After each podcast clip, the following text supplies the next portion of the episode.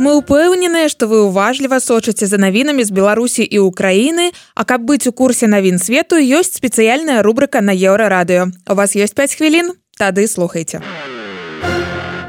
Калі б прапаганда захацела раскрытыкаваць іх норавы, варта было б пачаць з кейса Джуліяна Асенжа. Брытанскі суд дазволіў экстрадыцыю стваральніка Вкілікс у ЗША. Вашынгтон міласердны і абяцае, што не будзе караць яго смерцю. У гэтым месяцы прадстаўнік Вкілікс Джозеф Фарел папярэджваў справа Асенжа гэта тэст і калі суд дазволіць экстрадыцыю, будзе створаны прэцэдэнт.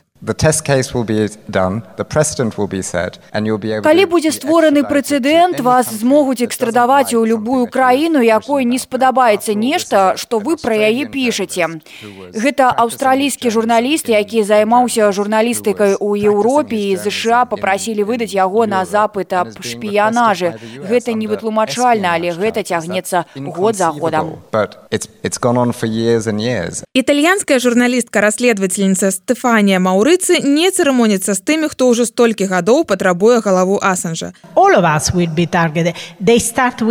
Кожны з нас стане мэтай. Яны пачнуць з яго а наступнымі будуць журналісты якія працуюць з вкілікс а потым мы журналісты мейнстрыму усе мы. І ўсе журналісты якія захочуць раскрыць іх брудныя сакрэты. Просто таму што яны не хочуць гэтага. Абсолютно гэтыя калектыўныя яны ўсё бліжэй да таго каб атрымаць асанжа Цяпер рашэнне брытанскага суда павінен ухваліць або не ўхваліць кіраўнік брытанскага мус. І у Асанжа будзе шанец аспрэчыць рашэнне міністра ў вярхоўным суде. Кейс Асанжа настолькі невытлумачальны, што немінуча абудзіць у прапагандзе найлепшыя пачуцці. Вось убачыце, у выніковым выпуску навін дакладна будуць заклікаць да справядлівасці. Мы толькі просім не забываць дадаць да гэтага справядлівага закліку, што ў Беларусі за кратамі застаюцца 25 прадстаўнікоў медыя. Брытанская каралева Лізавета на гэтым тыдні адсвяткавала 96гадовы юбілей. І кампанія Мэтл у каралеўскі дзень нараджэння выпусціла ляльку Барбі, у якой ну проста немагчыма не пазнаць брытанскага монарха піша Сквайр. На барбе сукенка колеру слановай косці, блакітная стужка і тыяра, якую Лізавета надзявала на вяселле з прынцам Філіпам. Часам 70 гадоў на чале дзяржавы гэта ну проста вельмі прыгожа. And I can say without fear of contradiction, that there is certainly a lot to celebrate. Бітва за елісейскі палац падыходзіць да канца фінал ужо ў гэтую нядзелю. У французаў магчымае лёгкае дэжавю. У 2017 годзе ў другі тур выбараў таксама выйшлі Эмнуэль Макрон і Марын Лепен. На гэтым тыдні кандыдаты першы і апошні раз за гэтую кампанію сустрэліся на дэбатах. Вайна ва ўкраіне турбуе больш за 90соткаў французаў кажаце пытанне, так што ў часе дэбату гаварылі вядома і пра рассію. Спробы макрона дапамагчы ў вырашэнні канфлікту яго доўгія, як той самы стол тэлефонная размова з владимиром Пуцінам уплываюць на рэйтынг дзейнага прэзідэнта. Гэтаксама як і даўнія, але памятныя выказванні яго апаненткі. Так, тэма Крыма пераследуе не толькі кандыдата ў прэзідэнты Беларусі. Тут пытаюцца ўсё некалькі десяткаў ўжо разоў спытайце ж у яе чый Крым. Вот ваше меркаванне. Лепен напярэдадні выбараў 2017 года казала, што жыхары Крыма выказалі сваё жаданне на рэферэндуме і пажадалі яны, маўляў, далучэння да рассіі. Макрон, вядома, ёй гэта прыгадаў. На дэбатах гаварылі не толькі пра свет, але і пра францыю. І значная частка спрэчак была прысвечана рэзкаму росту цэн. Сенан піша, што французы ў першым туры галасуюць сэрцам, а ў другім галавой. Гэта значыць, што ў першым туры яны выбіраюць ідэальнага кандыдата, а потым меншая з двух ліх. На халодны французскі разлік паглядзім у нядзелю. Урэшце выбары могуць проста звесціся да таго, які кандыдат Францыі менш за ўсё не падабаецца.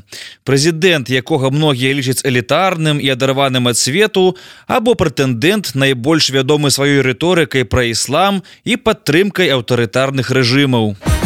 Сіньбэй на Тайване зазнаў ракетны абстрэл камуністычнага войска Китая. Порт Тайбэя ўзарваўся, аб'екты і караблі былі пашкоджаныя. На самой справе не, але такі бягучы радок паказалі на тайваньскім тэлебачанні. Украіна знаходзіцца за паўсвету ад Тайваня, але з моманту нападу рассіі на Тайване пануюць больш, чым трывожныя настроі. Міністэрства абароны нядаўна выпусціла інструкцыю, якой людзям тлумачаць парадак дзеянняў у выпадку ваеннага канфлікту. Востраў жыве ў чаканні нападу КНР і тут такія навіны ў ранішнім выпуску. Кітай кажа, што яго адносіны з тайванем гэта іншыя і няма чаго тут параўноўваць. Што ж да фальшывай навіны на тэлеканале растлумачылі, што гэтыя паведамленні збіраліся выкарыстоўваць у часе вучэнняў пажарнай службы іх ніхто не павінен быў убачыць. Тэлеканал само сабою попрасіў прабачэння. Навіну падхапілі садсеткі, а вось паскардзіліся за развязванне панікі толькі 10 гледачоў. Здаецца, мы яшчэ доўга не зможам гаварыць фразу давайте не будзем нагнятаць. Любімы горад можа прачынацца. Спаць спакойна ў італьянскім ракаразе ўжо не выйдзе. Хуан вярнуўся на вуліцы. Хто такі хуан? Хуан карыта любіў шпацыраваць па вуліцах італьянскага гарадка ракараза. Ён жыў нармальным свецкім жыццём даядаў піцу са смеццевых бакаў піў ваду з фонтанаў не здзіўляйцеся хуан буры мядзведь Усё ішло добра пакуль аднойчы хуан не ўварваўся ў пякарню і не з'еў там усё печыва.